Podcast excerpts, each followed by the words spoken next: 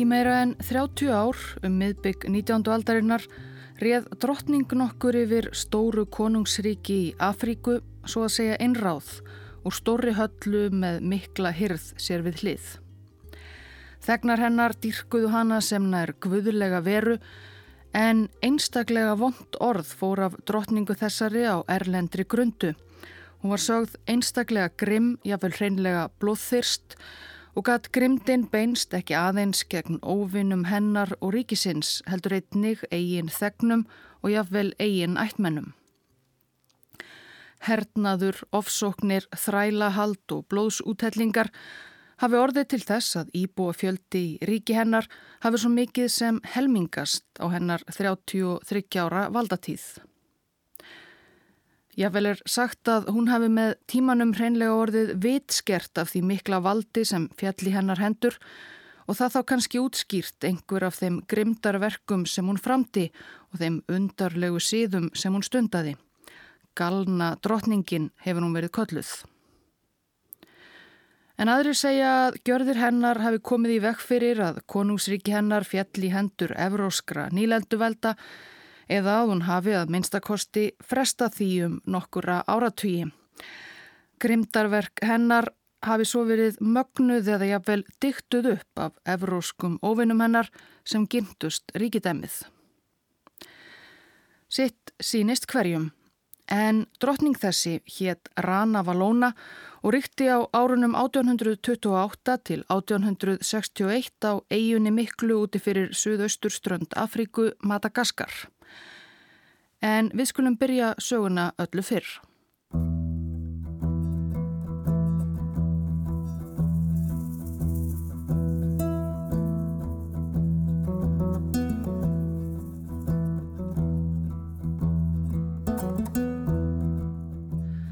Það eru bara tæpir 500 kílometrar frá vesturströnd Madagaskar yfir til afríska meginlandsins þar sem svo nefnt Mosambík sund er þrengst.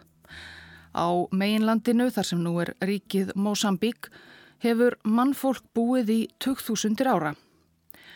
En saga mannvista á eigunni stóru hinum megin við sundið er mun stittri, mögulega ekki mikið lengri en saga Íslands frá landnámi.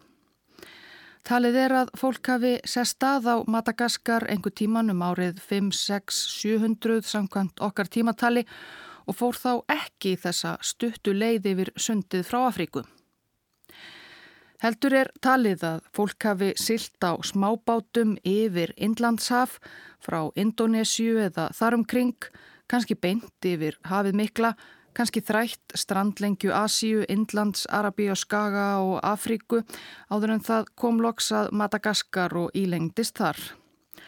Tungumál Madagaska, íbúa Madagaskar, Malagasy er skildast tungumálum sem töluð eru á indonesísku eigunni Borneo. Nokkrum öldum síðar fóru svo reyndar að bætast við í mannflóru eigunar landnemar frá sunnanverðri Afríku og síðan einnig fólk frá Indlandi og Arabíuskaga og úrvarð smátt og smátt svo fjölbreytta blanda sem Madagaska þjóð dagsins í dag er. En hvenar sem það var nákamlega sem þeir komum hafa fyrstu landnematnir sem stigu fæti á Madagaskar fundið þar undraverða og undarlega veröld.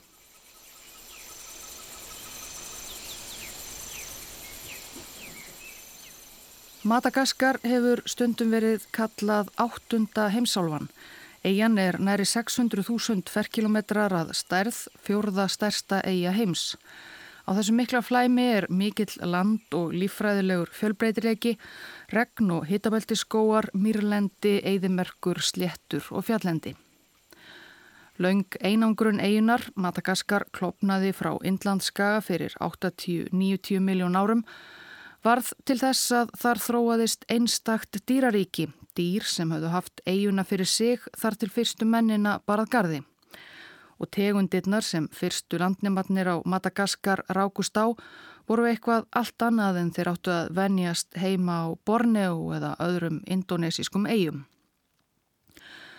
Lang þekktastar Madagaskra dýrategunda, dýr sem fyrirfinnast einungist þar, eru lemurarnir, loðunir, prímatar, fjarskildir ættingjar okkar mannana. Lemúrar eru af öllum stærðum og gerðum og þegar fyrstu landnimatnir komið til Madagaskar voru enn til lemúrategundir sem nú eru laungu hortnar eins og risa lemúrar kannski á stærð við górillur sem eitt sinn ráfuðu um skóana og getu sér á ávöxtum. Landnimar rákus líka á fílafuglinn óflega fugglategund sem gæti orðið alltaf þryggja metra há að líkindum stærsta fugglategund sem verið hefur á jörðinni. En margar þessar furðudýrategundir verðast ekki hafa lifað lengi eftir að fyrstu mannskeppnurnar barað gardi á bátum sínum til Madagaskar. Landnimatnir hófist handa við að veiða sér í matin og stórar seinfara dýrategundir urðu auðu veld bráð og svo fóru þeir að riðja skóana til að stunda landbúnað og hófið þar með þróun sem ekki sér fyrir endan á enn í dag. Mannkinnið þrengir stöðugt að dýralífi Madagaskar og sífælt fleiri einstakar dýrategundir láta í minnipokan og hverfa að eilífu.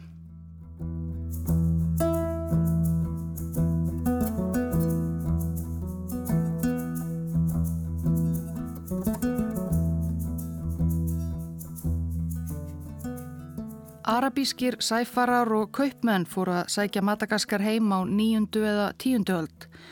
Þeir komu upp verslunarstöðvum við norð-vesturströnd eigunar og hafðu talsverð áhrif á nærumkörfi sitt, fluttu til að mynda með sér arabíska stafrófið til Madagaskar sem var svo lengi notað til að skrifa tungumál eigaskeggja Malagasy þótt fáir á eiginni reyndust móttækilegir fyrir Íslamstrú.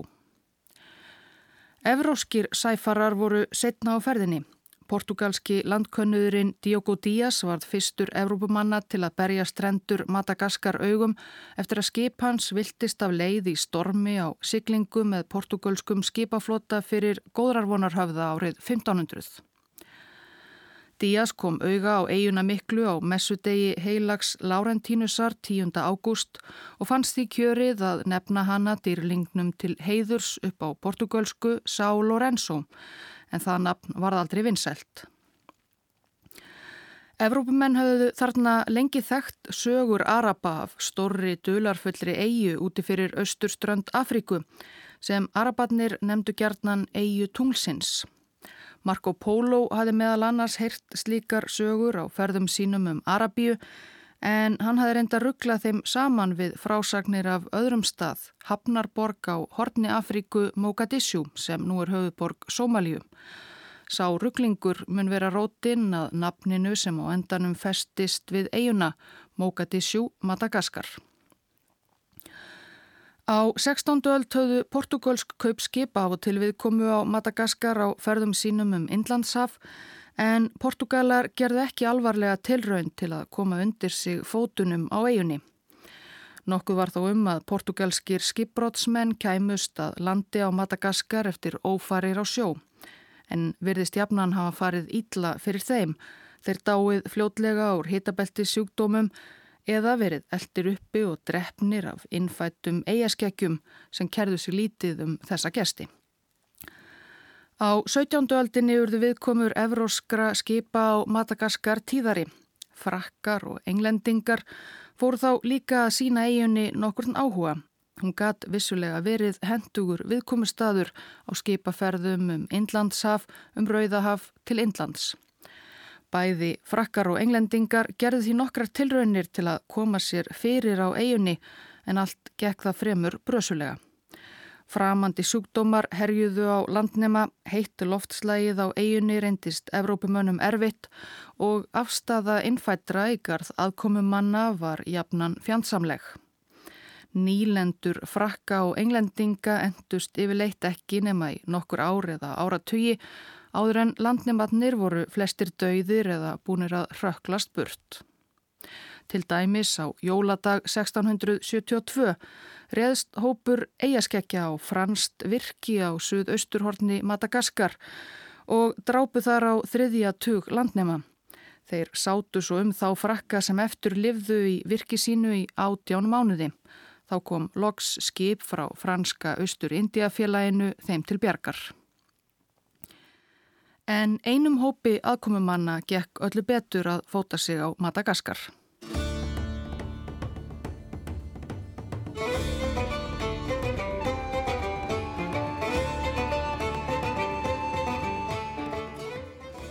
Eða einni starfstjett eiginlega. Sjóreiningjar áttuðu sig líka á að staðsetning Madagaskar gerði eigina að príðiskóðum bækistöðum til að geta herjað á kaupskip sem sildu á Inlandshafi, drekklaðin, kryttum, gulli og gersemum og rænt og rupplað. Frá því seint á 17. öld og fram eftir þeirri átjándu á gullöld sjórána spruttu upp eins konar kommunur sjóræningja með fram ströndum Madagaskar og á smá eigum í kring og Madagaskar var því allræmt sem sjóræningja bæli. Sumir þekktustu sjóræningjar sögunar voru þar að störfum til lengri eða skemmri tíma til að mynda englendingurinn Thomas Tew og hinn skoski William Kidd, betur þekktur sem Kaftin Kidd. Hér og þar um strandlengjuna komu sjóræningjar sér fyrir og gáttu tekið vatn og vistir á skip sín fyrir næstu allögur, verslað með þýfi og kvilt lúin bein eða störfætur. Sumar viltustu sögurnar af sjóræningabælinu Madagaskar eru þó kannski frekar góðsagnir. Í breskri bókum æsilega sjóræningja frá 1724 A General History of the Robberies and Murders of the Most Notorious Pirates, saga af ránum og morðum allræmdustu sjóræningjana eftir Charles Nockun Johnson, segir meðal annars frá sjóræningjafóringjanum James Misson. Sankvæmt bók þessari var hann franskur að uppruna og blöskraði svo ofríki kathólsku kirkjunar og konunga Evrópu að hann ákvaða að sigla til Madagaskar með fylkingu sjóræningja og koma þar við ströndina upp nýlendu þar sem allir menn væru frjálsir og jafnir og allir hefðu jafn mikið að segja um stjórnskipan nýlendunar þvert á uppruna trú þjóðfélags og fjárastöðu. Nýlendan fekk sangkvæmt bók Johnsons nafnið Libertatia og þó þetta hljómi alltið ágætasta mál er ólíklegt að hún hafi verið til í raun og veru. Þó að ímislegt um sjóræningjana í að General History of Pirates sé satt og rétt sangkvæmt öðrum samtíma heimildum er bókin eina heimildinum tilvist fríríkisins Libertatiu og raunar stopnandans James Missons einnig. En sá sem setti saman söguna hefur á nefa byggt hann að hluta til á öðrum sjóræningja nýlendum sem vissulega urðu til við strendur Madagaskar.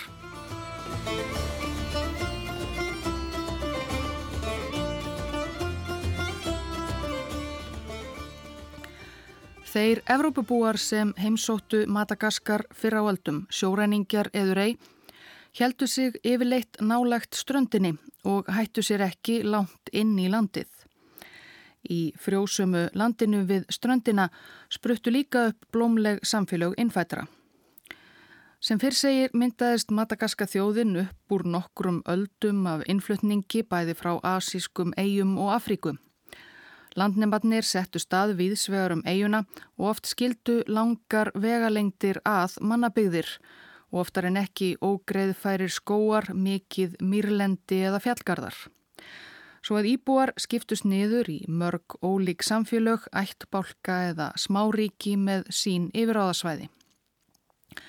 Með norðvesturströndinni var land Sakalava fólksins, við austurströndina reið ríkjum Betsimi Saraka fólkið sem átti hvað mest við evróska sæfara að skipta og svo framvegs.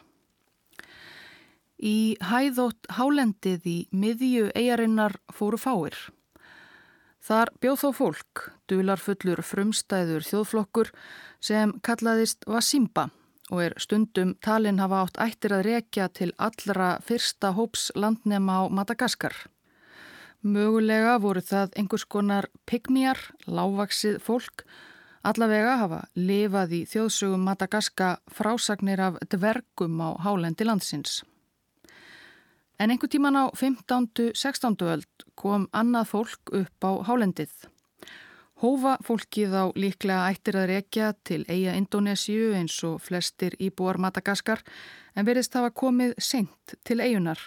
Svo seint að strandlengjan var öll löngu upptekinn og þau þurftu að leita innar inn í landið og hálendið var eina landið sem eftir var. Hófa fólkið losaði sig einhvern veginn við Vasimbana líklega drepið þá flestalla og kom sér svo fyrir. Innan um fjöll og hæðir hálendisins voru mýrar sem landnimatnir gáttu ræst fram og búið til gjöfula hrísgrónaakra. Konungur að nafni Andrija Maniló réð ríkjum á Hófa hálendinu um miðbygg 16. aldar. Andrija Maniló og drottning hans eignuðust sex börn og mistu þau öll skömmu eftir fæðingu. Þegar drottningin varð ólétti í sjönda sinn leitaði hún ráþrótta á náðir Galdramanns, segir sagan, sem bar árangur. Sónurinn Ralambó fættist heilbreyður, livði til fullorðinsára og tók við krúnunni af föður sínum um 1575. Ralambó gaf ríki sínu og fólkinu sem það byggði nýtta nafn, Ímerína eða Merína. Hann byggði einni upp mikla hyrð og tók upp ymsar nýjar hefðir sem dæmjum á nefna fjölkvæni. Fadir hans, Andrea Maniló, hafi látið sér næja eina eiginkonu en Ralambó giftist mörgum sinnum.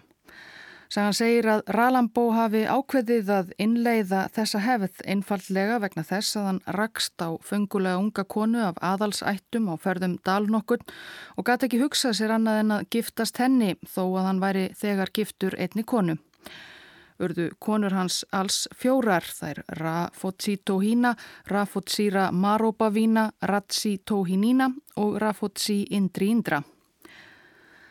Ralambó var líka mikill stríðsmaður og færði veldi sitt út fyrir hálendið með hernaði við aðrar þjóðir og hópa á eigunni.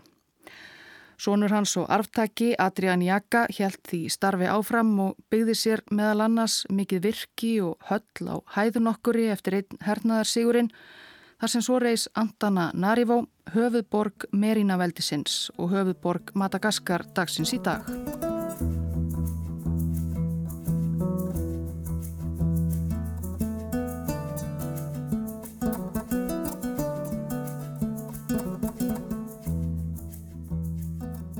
Nöfn Madagaskra konunga og aðalsmanna geta verið nokkuð óþjál, alltjent fyrir Íslendinga.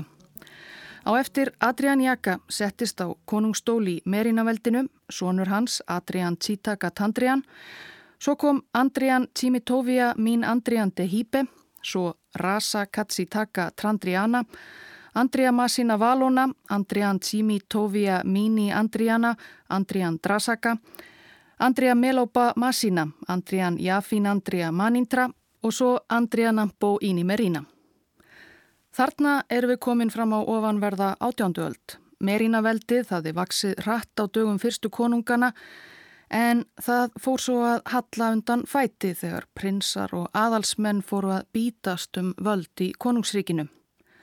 Stóran hluta átjándualdar logaði Merina veldið í innbyrðis átökum eða allt fram á dag áður nefnds Adriana Boini Merina sem komst til valda 1787, begði undir sig aðra prinsa og keppinauta og helt áfram landvinningum í Ímsar áttir.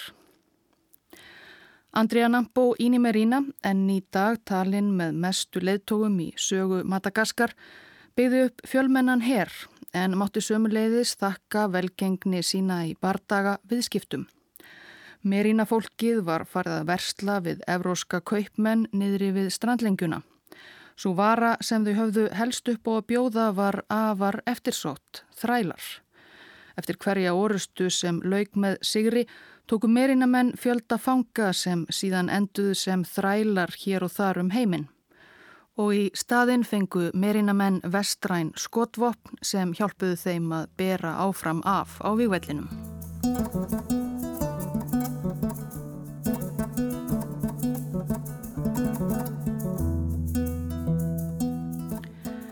Snemma á valdatíð hins mikla Andrea Nampo Íni Merína, einhver tíman undir lok átjándu aldar, gekk hýrðmaður einn á fund konungsins og gerði honum viðvartum plott gegn honum. Frændi hans nokkur fyrir hugaði að steipa honum fyrir berg og komast svo yfir krúnuna sjálfur. Konungur let snarlega taka frændan af lífi og var svo þakklátur hýrðmanninum að hann ákvað að ættleiða dóttur hans og það sem meira var, gifta hana um leið uppáhals sinni sínum og líklegum arftaka Radama prins. Sískinabrúð kaupur ekki óþægt hjá merínska aðlinum. Dóttir þessi hétt Ramavó en tók síðar á lífsleiðinni upp nafnið Rana Valóna Til hægðarauka skulum við nota það nafn hér strax. Ranavalóna var því á sveipstundu bæði dóttir konungs og eiginkona krónprins og hóf nýtt líf í einsta ring hyrðar konungsins í Antananarivo, höfuðborg Merinaveldisins.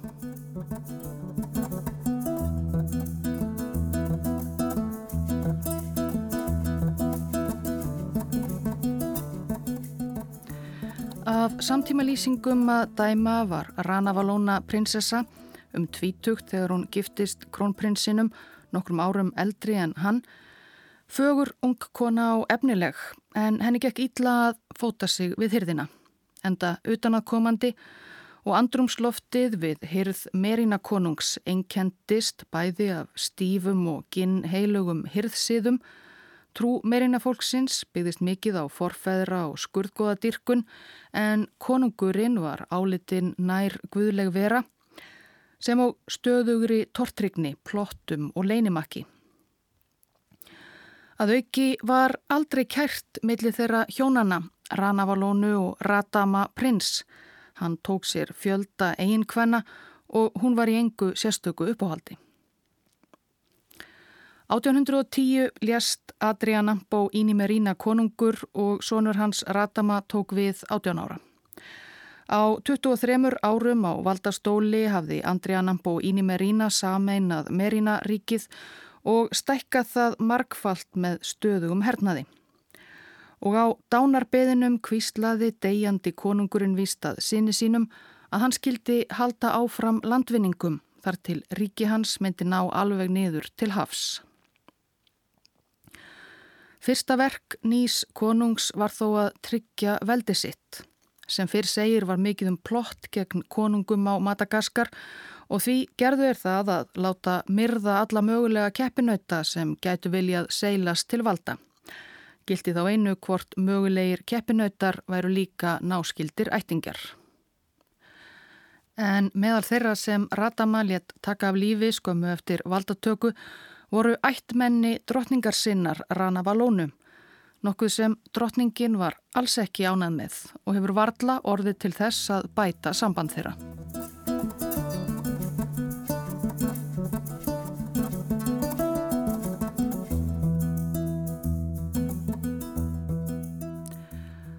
Ratama konungur tók hinstu orð föður síns alvarlega og laðist strax í hernað. Ímsir smákongar og höfðingjar höfðu risið upp þegar fréttist af dauða Andrea Nambuini Merina fyrri konungs en Ratama tókst að beigja þá alla aftur undir sig og þegar áleið tókst honum að leggja undir sig meira en tvo þriðju þessarar stóru eigjar og náð þá alla leið til strandar. En Ratama hafði fleiri áhuga málinn hernað Fyrir utan að brúka skotvopn hafði Merinaveldið hinga til varist erlendum áhrifum. Þeir útlendingar sem sóttu Madagaskar heim voru heldur lítið að hætta sér upp á hálendið. En Ratama hafði meiri áhuga á umheiminum en einangrun og ævafornum hirðsíðum forvera hans. Það var heldur ekki um að villast að evrósku stórvildin litu enn Madagaskar hýru auga og áhugi þeirra á eigunni hafði ekki mingað þvert á móti. 1816 hafði samband við konungin landstjóri breyta á eigunni Máritíus.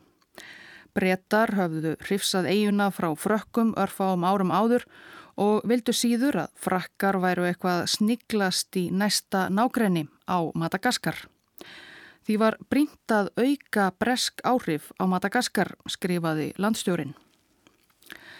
Og Ratamakonungur var til í það, svo lengi sem breytar litu á hans sem jafningja en ekki mögulegan undirsáta.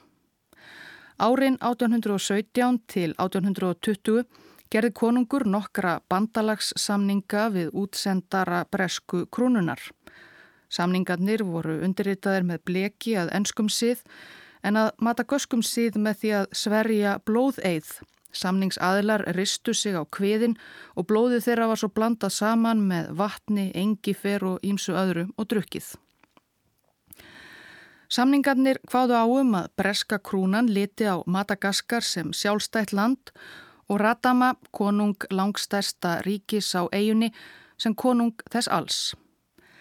Ratama fjælst á að leifa aukin umsvið breyta í ríki sínu og fekk í staðin ímislegt sem hann gertist, gull og silfurpenninga, rifla og bissupúður, nokkra hesta og fína enginnisbúninga, bæði á hermenn sína og sjálfan sig. Napoleon Bonaparte var helsta hetja Ratama konungs og hann vildi gerðnan líkjast honum í klæðaburði.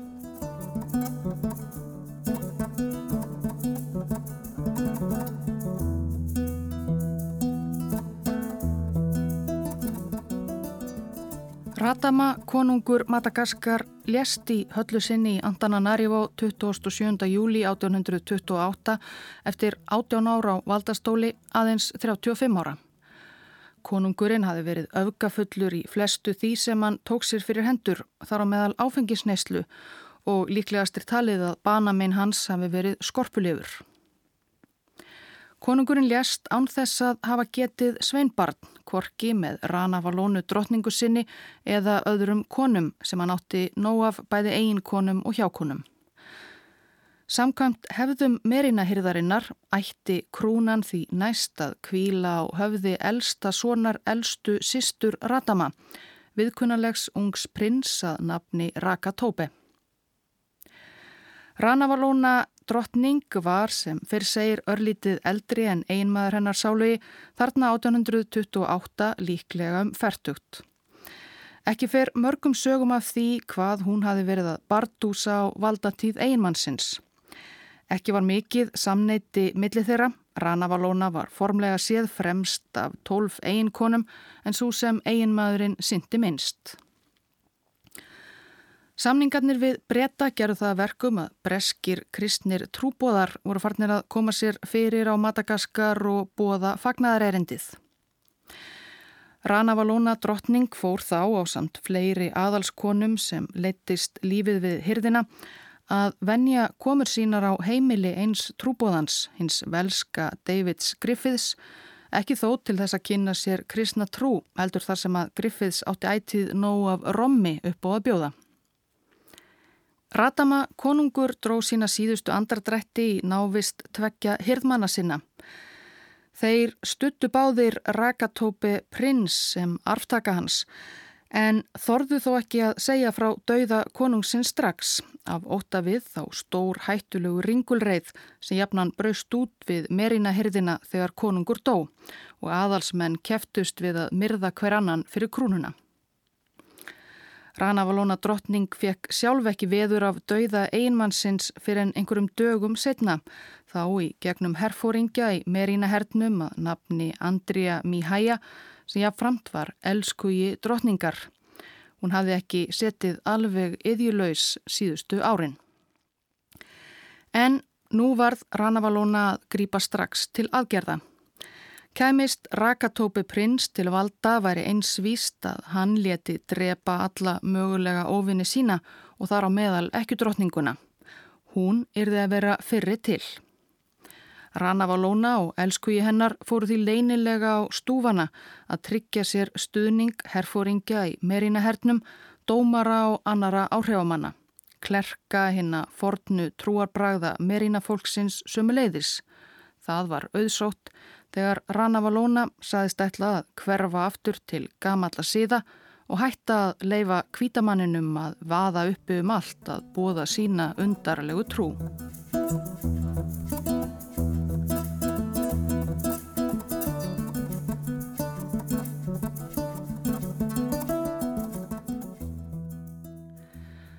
Elleft ágúst 1828 var plottið fullkomnað. Bóða var til fjöldafundar almennings fyrir utan konungshöllina í Antananarivo og fólk kom hvaðan efa að úr ríkinu. Tilkynnt var að konungurinn væri fallin frá og svo eftir að skotið var úr fallbissum konungshallarinnar lísti Ranavalóna ekki hans því yfir að hún væri réttmætur arftaki, æðstir áðamaður og drottning Madagaskar. Herin var að mestu á hennar bandi og því lítið sem hægt var að malda í móin. Nokkrir fóringjar í lífvarðasveit konungsins sáluga mölduð reyndar í móin, stuttu Rakatópi prins en þeir voru snarlega stungnir á hól. Prinsinn var fljótlega eldur uppi af mönnum nýju drottningarinnar og hlaut sömu örlög, rétt eins og fadir hans gerði. Mákonu sína, móður prinsins, fyrirskipaði Rana Valona hins vegar að skildi fangelsa og svelta til bana. Aðrir ættingjar konungsins sáluga voru teknir höndum og kyrtir, þeim dregt eða hend fyrir berg. Grimmileg örlög en svo sem bara svipuð með ferð og drottningarinnar eigin fjölskylda hafi hlotið nokkrum áratugum áður.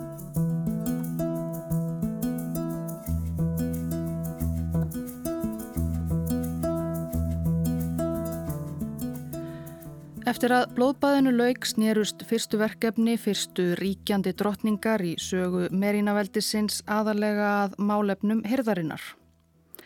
Það var það sirkja fyrirverandi konung. Venjan var að sorgartímabil eftir dauða konungsværi 12 mánuðir en Ranavalónu drottningu fannst nóg að hafa mánuðina bara tíu í þetta sinn, kannski skilabóði því um álit hennar á eiginmanni sínum sáluga. Þegar sorgartímabilið hófst var aðalsmönnum jæmt sem almúa, körlum og konum gert að raka hársitt. Ímsar skemtanir og þægindi voru svo bönnuð á meðan tímabilinu stóð Til að mynda leika á hljóðfæri, dansa, klæða sig skraudlega, klappa saman höndum, ríða á hesti og sofa á dínu. Körlum og konum var líka gert að sleppa öllu ósýðilegu aðtæfi á dagtíma. Eftir að lík Ratama konungs hafi leið á viðhafnarbörum við konungshöllina í Antananarivó í nokkrar vekur, þrælar voru á vakt við líkið allan sólarhingin að bæja frá flugum, var konungurinn loks borin til hinstu kvílu í mikil fenglegu steingrafhísi á Hallarsvæðinu. Útförinn bar keim af áhuga málum hins látna. Lúðrasveit leg breska Hermarsa dálæti konungsins.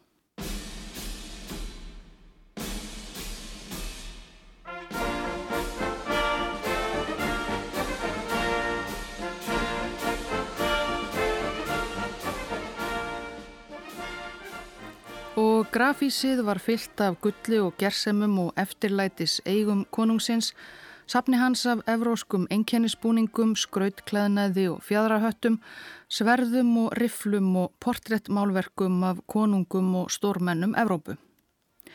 Í ytri klefa grafísins var að malagöskum sið lítil setustofa, tveir þægilegir stólar og borð með flösku af rommi, vildi andi konungsins tilla sér og fá sér dreytil.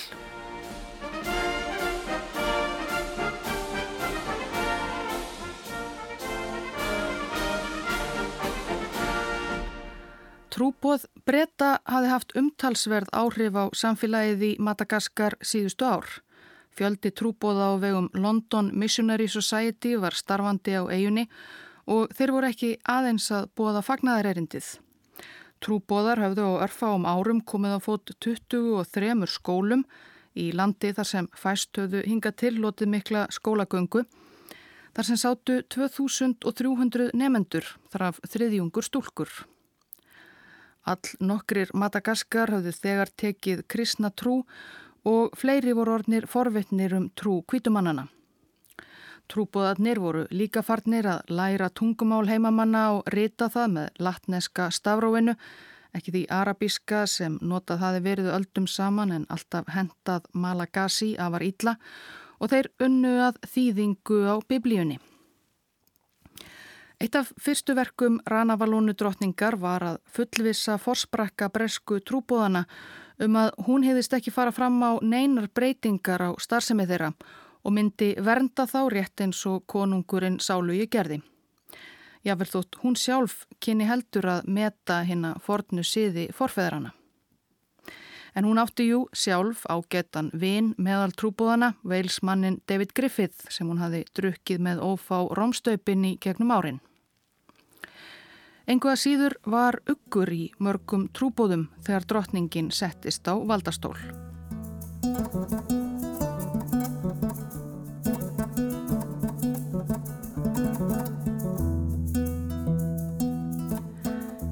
Að lokinni útför og sorgartímabili var lokskomin tími til að Rana Valóna sjálf gæti láti ljósitt skína. Kríningaratöfn Ranavalónu drottningar fór fram eftir öllum kúnstarinnar reglum.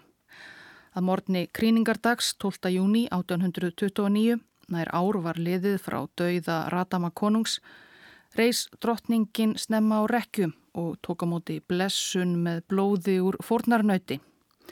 Hún klættist skikju úr fínasta franska flaueli og setti á sig kórónu, skreitta gulli, perlum, kóröllum, krokodílatönnum og haugsfjöðrum.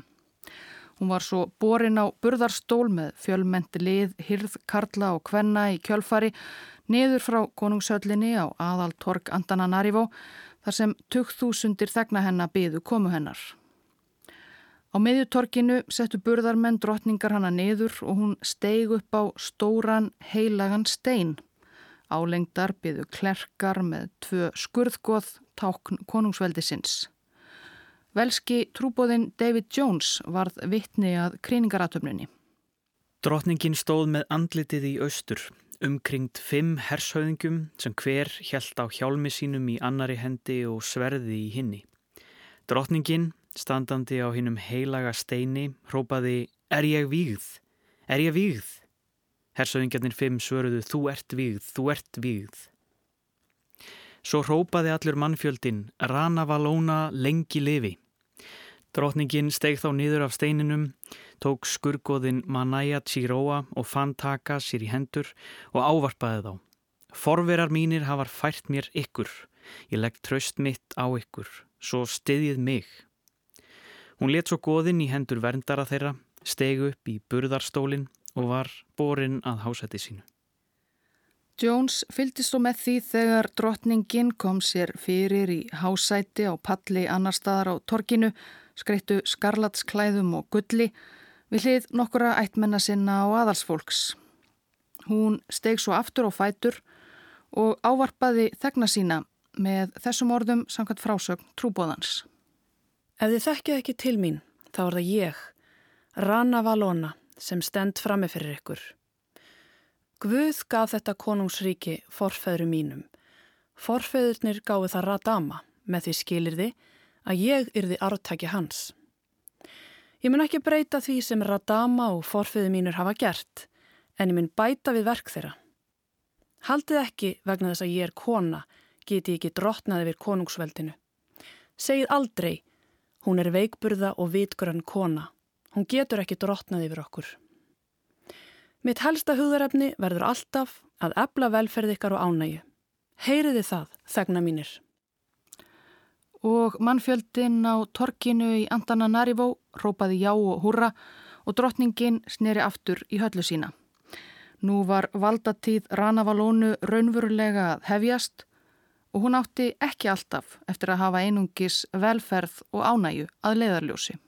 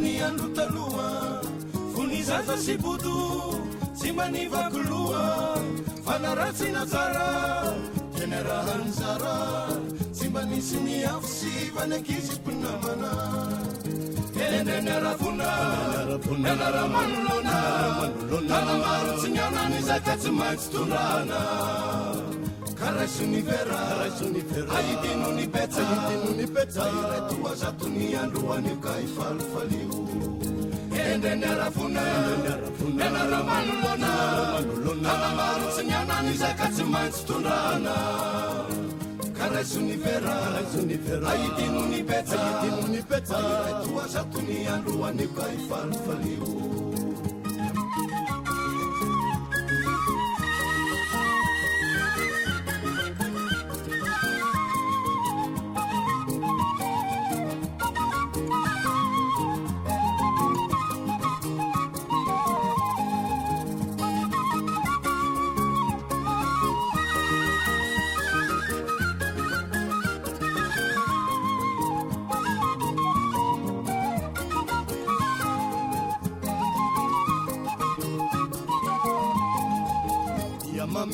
sasa tsy mba ako adinona tony sary voasasa tony no fitanora ahitraitra sy ditra notofozy jiritra siasiako nenina le tsisy renina de ndray midika miamaminy lasa tsy mba ako adinona tony sary voasasa tony no fitanora ahitraitra sy ditra zotsiritra tsy asiako nenona le tsisy renona de ndray mipika edenaravona anaramanolona anamaro tsy mianany zaka tsy maintsy tondrana karaisoniveraaiidino ny toazatony andro aniko ahifalifalio edenaravona anaramanolana nalamaro tsy nianany zaka tsy maintsy tonana. Karaisony veraaidino ny petaitoazatony androanio ka ifalifalio fa iraitoazatony androanio ka ifalifalio fa iraitoazatony androanio ka ifalifalio fa iraitoazatony androanio ka ifalifalio